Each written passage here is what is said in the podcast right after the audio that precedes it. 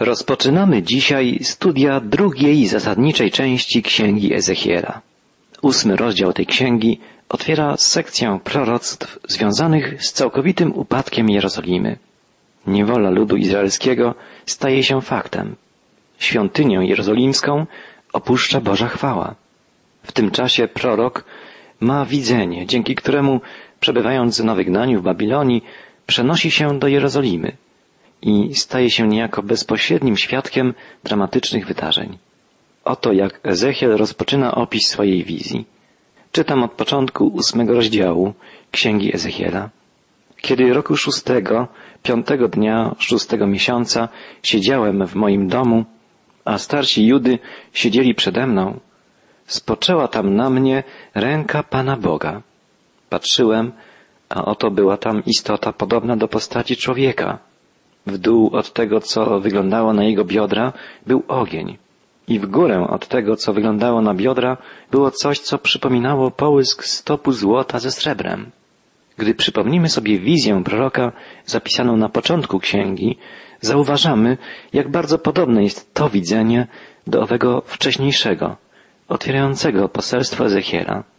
Wizja Bożej chwały to najważniejsze, główne widzenie, na którym opiera się przesłanie całej księgi. Ezechiel opowiada. Wyciągnął coś w rodzaju ręki i uchwycił mnie za włosy na głowie, a duch podniósł mnie w górę między ziemią a niebo i w boskich widzeniach zaprowadził do Jerozolimy, do przedsionka bramy wewnętrznej, położonej po stronie północnej.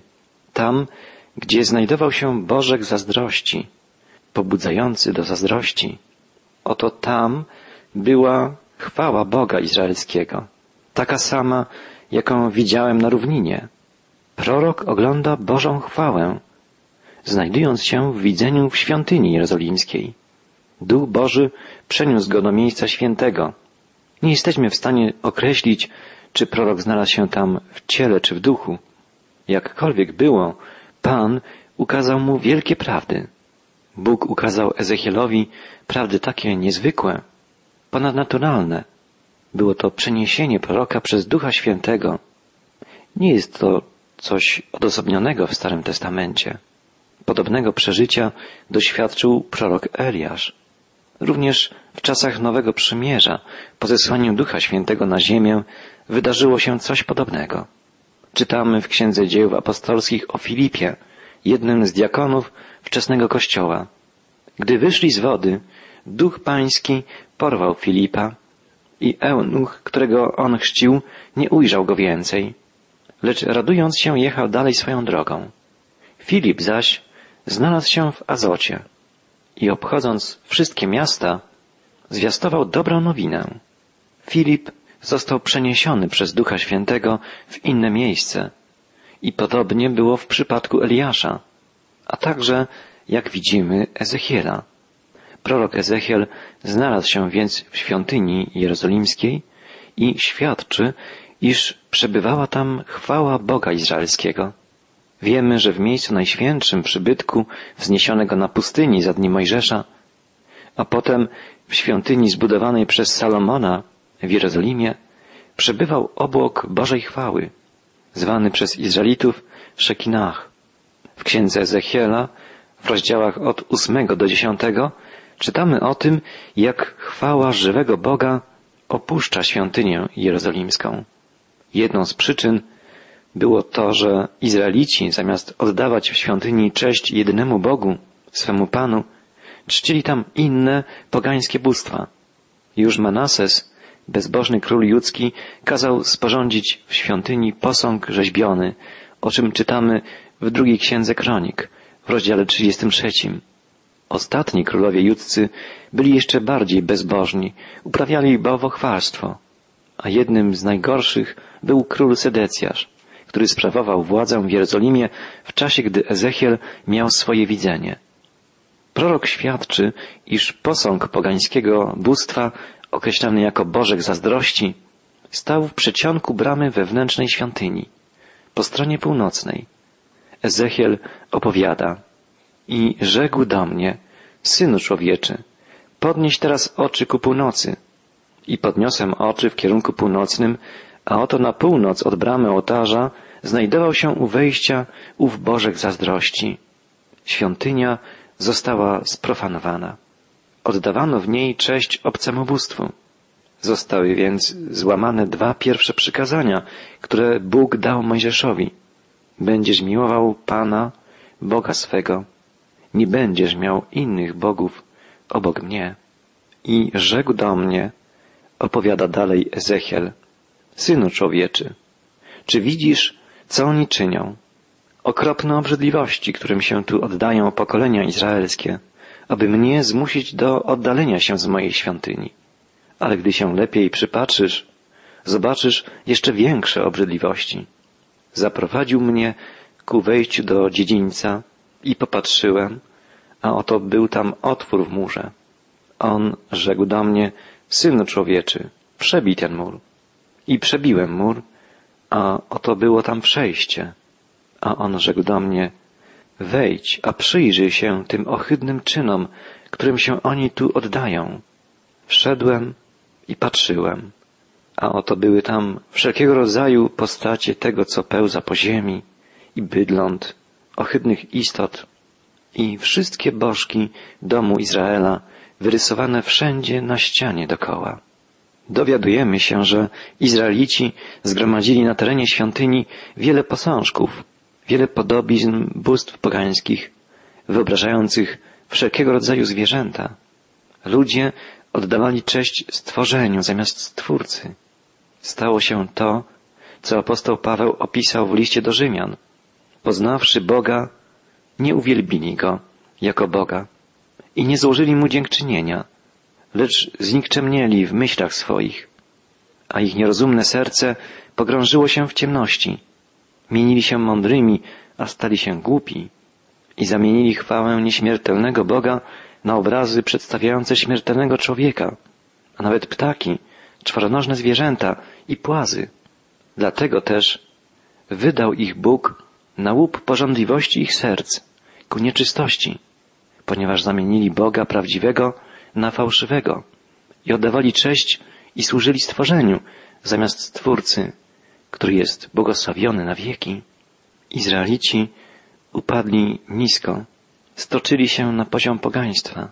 Przestali być czcicielami i świadkami jedynego prawdziwego, żywego Boga. Dlatego Pan dopuścił, by świątynia jerozolimska legła w gruzach.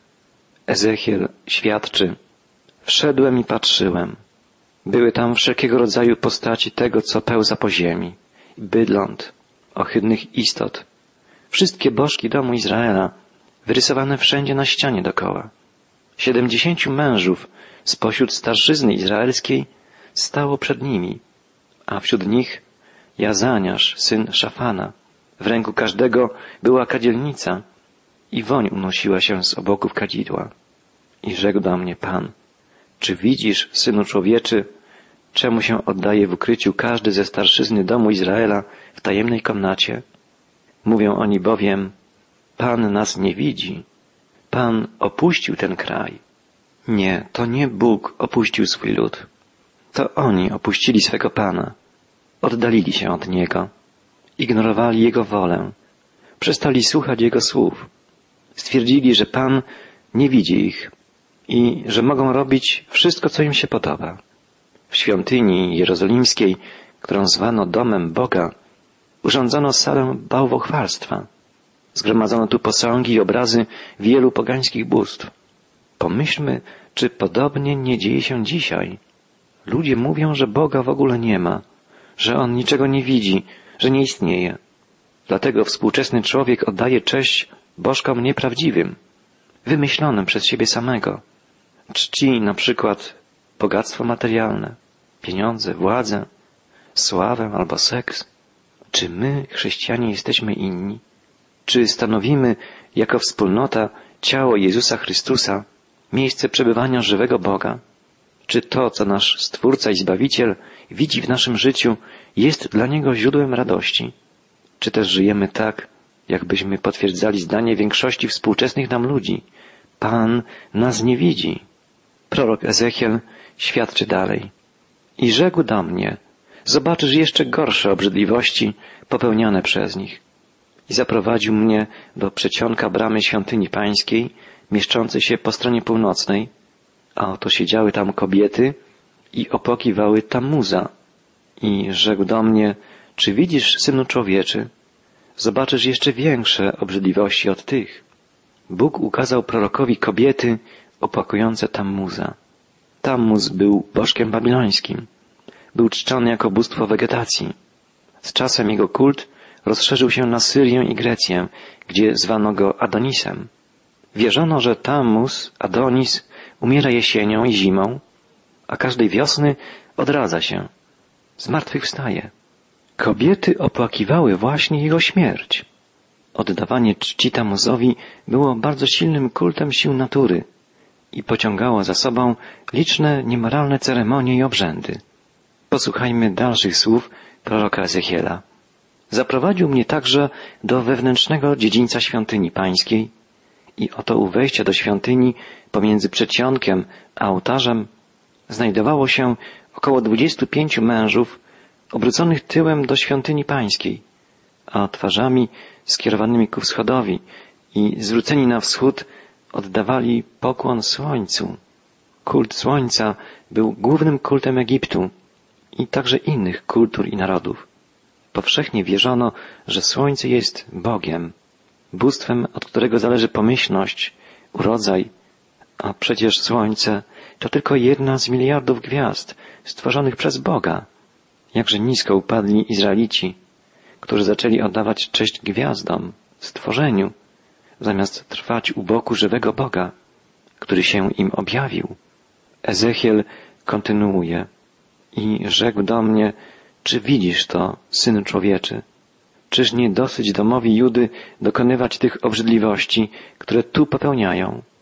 Napełniają kraj ten przemocą i stale mnie obrażają. I oto wciąż podnoszą gałązkę do nosa. Bardzo różne są interpretacje tych słów Ezechiela. Żydowscy komentatorzy podkreślają, że takie zachowanie świadczyło o całkowitej degradacji, o upadku duchowym i moralnym ludu Bożego. Być może Izraelici naśladowali w ten sposób adorację słońca typu irańskiego, przy której trzymano gałązkę palmy przed ustami, by oddech nie kalał powietrza. A może rację ma jeden ze współczesnych komentatorów, który porównuje podnoszenie gałązki do nosa ze znanym nam gestem grania na nosie.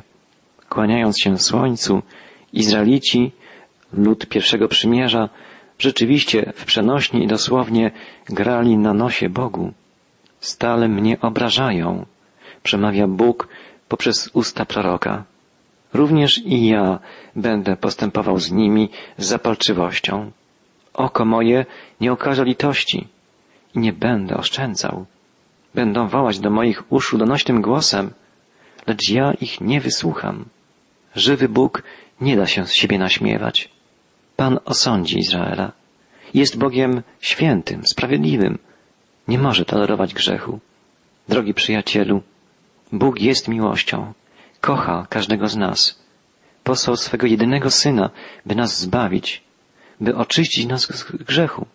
Jeśli jednak odrzucamy Bożą miłość, jeśli nie przyjmujemy Jezusa, będziemy osądzeni jako grzesznicy, gdyż zapłatą za grzech jest śmierć.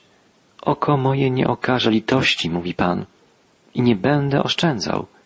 Będą wołać do moich uszu donośnym głosem, lecz ja ich nie wysłucham. Wtedy będzie za późno. Dziś jest dzień zbawienia. Dzisiaj jest dzień, który dał nam Pan. Dziś, jeśli słyszymy Jego głos, nie zatwardzajmy swoich serc.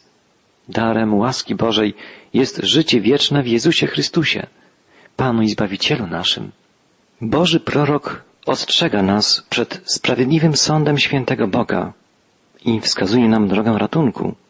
W następnym, dziewiątym rozdziale Księgi Ezechiela czytamy Potem donośnie także ja słyszałem, wołał on, zbliżcie się, straże miasta, każdy z niszczycielską bronią w ręku.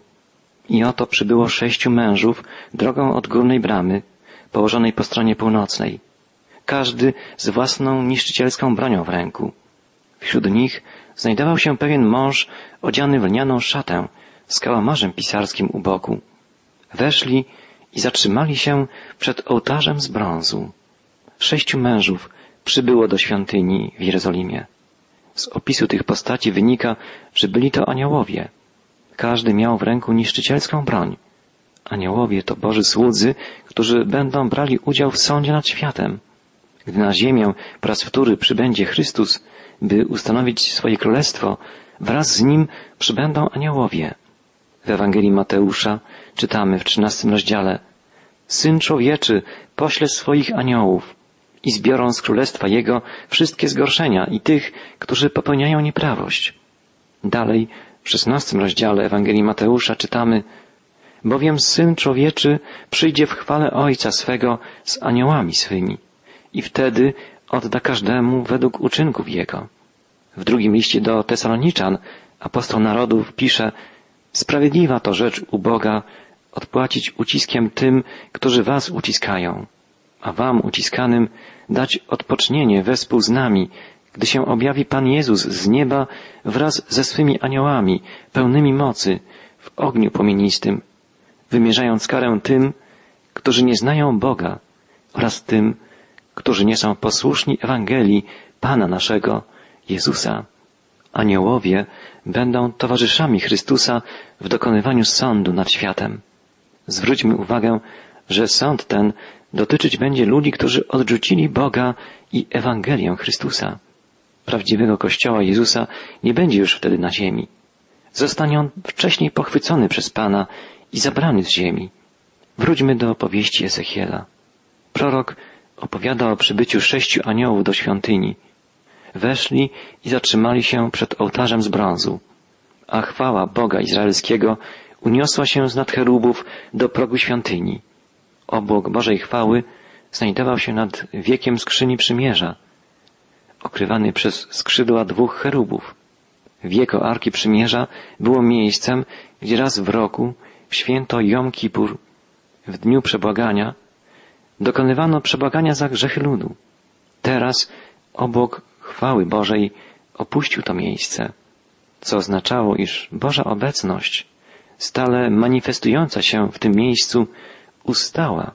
Bóg odwrócił się od ludzi, którzy bezustannie odmawiali mu posłuszeństwa i zwracali się ku bożkom pogańskim.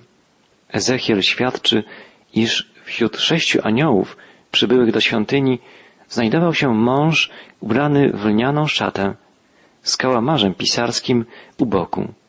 Pan rzekł do niego, przejdź przez środek miasta, przez środek Jerozolimy i nakreśl znak Taw na czołach mężów, którzy wzdychają i biadają nad wszystkimi obrzydliwościami w niej popełnianymi.